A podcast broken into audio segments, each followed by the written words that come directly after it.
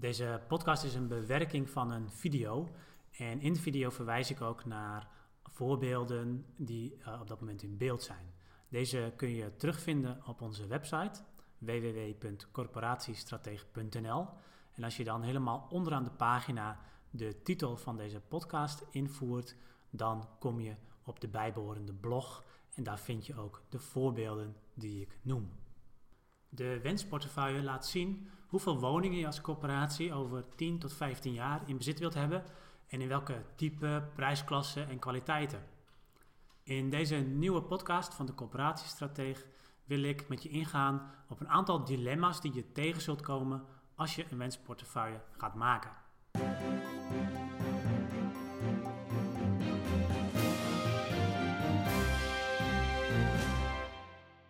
Eerst even kort, wat is een wensportefeuille eigenlijk? Um, bij een wensportefeuille ga je je woningbezit als coöperatie indelen naar verschillende categorieën. En dat kan bijvoorbeeld zijn woningtype. Ik heb hier even een voorbeeld ingezet. Bijvoorbeeld, we hebben zoveel eengezinswoningen, we hebben zoveel appartementen met lift, zoveel appartementen zonder lift en zoveel overige woningen. En over 10 of over 15 jaar willen wij daar meer of minder van hebben. En dat kun je dus aangeven in, uh, ja, in het voorbeeld in de, in de staafjes. Dan is natuurlijk die toekomstige woningportefeuille is eigenlijk je, wensportefeuille. De wensportefeuille kun je maken uh, naar woningtypen, maar je kunt hem ook maken naar huurprijsklassen. Actueel nu, uh, zeker met de discussie over betaalbaarheid en over passend toewijzen. Maar je kunt hem ook nog maken naar andere indelingen van je woningbezit, al naar gelang waar jij graag op wilt sturen. Um, en dat is dan meteen het eerste aandachtspunt. Let erop dat je je beperkt tot de onderwerpen waar je ook echt op wilt sturen. Soms heb je ook meer een informatiebehoefte van ja, hoe is de indeling van ons bezit bijvoorbeeld naar energielabels uh, of bijvoorbeeld over verschillende wijken. Alleen als dat niet een onderwerp is waar je op wilt sturen en dat je dus echt wilt sturen van nou wij willen meer bijvoorbeeld in wij willen meer bezit in wijk X of minder in wijk A. Ja, dan als je daar niet op wilt sturen, dan uh, hoef je dat in een wensportefeuille ook niet, uh, niet op te nemen. Dus beperk je echt tot de onderwerpen waar je op wilt sturen.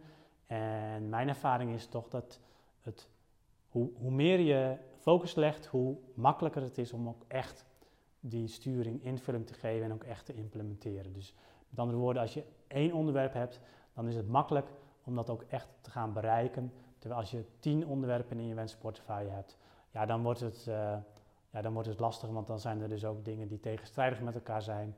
En dan zul je in de praktijk zien dat het heel lastig is om je daar altijd aan te houden en om dat echt te implementeren. Een tweede dilemma is bij het opstellen van een wensportefeuille is, ga je echt um, die wensportefeuille voor over 10, 15 jaar, ga je die echt in harde getallen opnemen? Even de vraag, ja, heb je daar genoeg onderbouwing voor? of is het echt dan uh, met de vinger? Als je daar voldoende onderbouwing voor hebt en je hebt ook een MT wat erachter staat en zegt, oké, wij zetten een stip op de horizon, zoveel woningen willen we dan hebben. Nou, dan kun je dat doen. Uh, een alternatief is om met bandbreedtes te gaan werken. Dan kun je nog steeds, het voordeel daarvan is dat je wel wat speling hebt, maar dat je ook nog steeds ermee kunt rekenen. Want dat is natuurlijk het grote voordeel van een wensportefeuille met getallen. Je kunt er ook mee rekenen. Um, maar als je het nog zachter wilt maken, als je een MT wat lastig kiest, of als je, uh, als je zelf toch het idee hebt van nou, we doen dit voor de eerste keer, of we hebben weinig onderzoek en we willen nu wel een wensportefeuille maken. En misschien later gaan we hem weer, weer fine-tunen. Dan zou je ook met plussen en minnen kunnen werken. En dan zet je gewoon, oké, okay, uh, eh, eengezinswoningen bijvoorbeeld plus, um, en um, andere woningtype uh, min voor over 15 jaar. Vraag die je dan ongetwijfeld zult krijgen is, ja, hoeveel woningen is dan één minnetje of één plusje? Um, maar dat is dus wel iets wat je kunt doen als je je niet daarop al heel erg hard wilt vastleggen, maar dat later invulling wilt geven bijvoorbeeld.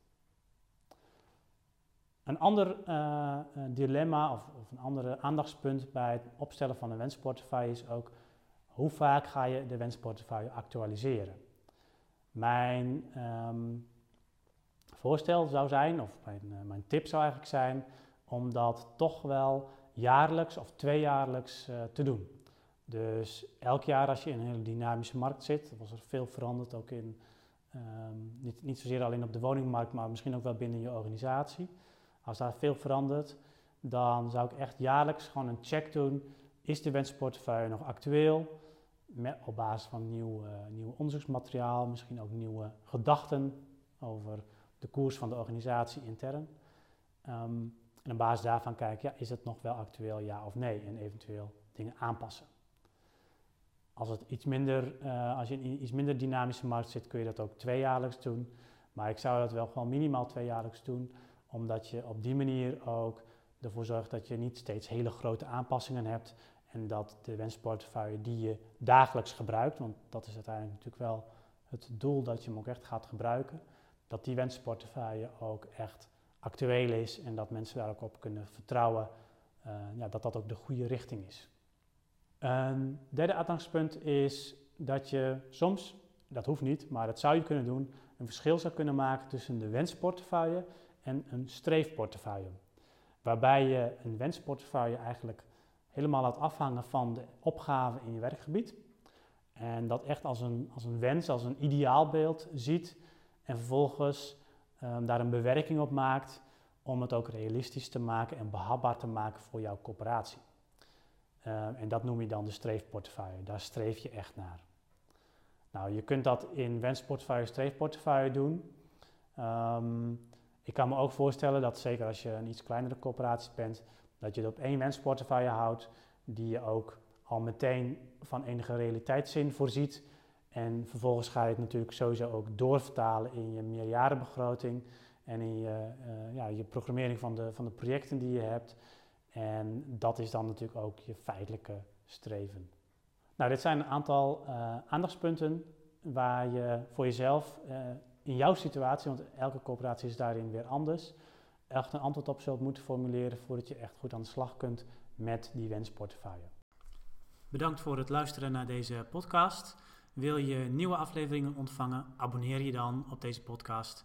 En kijk ook eens op onze website corporatiestratege.nl voor meer praktische tips en downloads die jouw werk als coöperatiestratege makkelijker maken.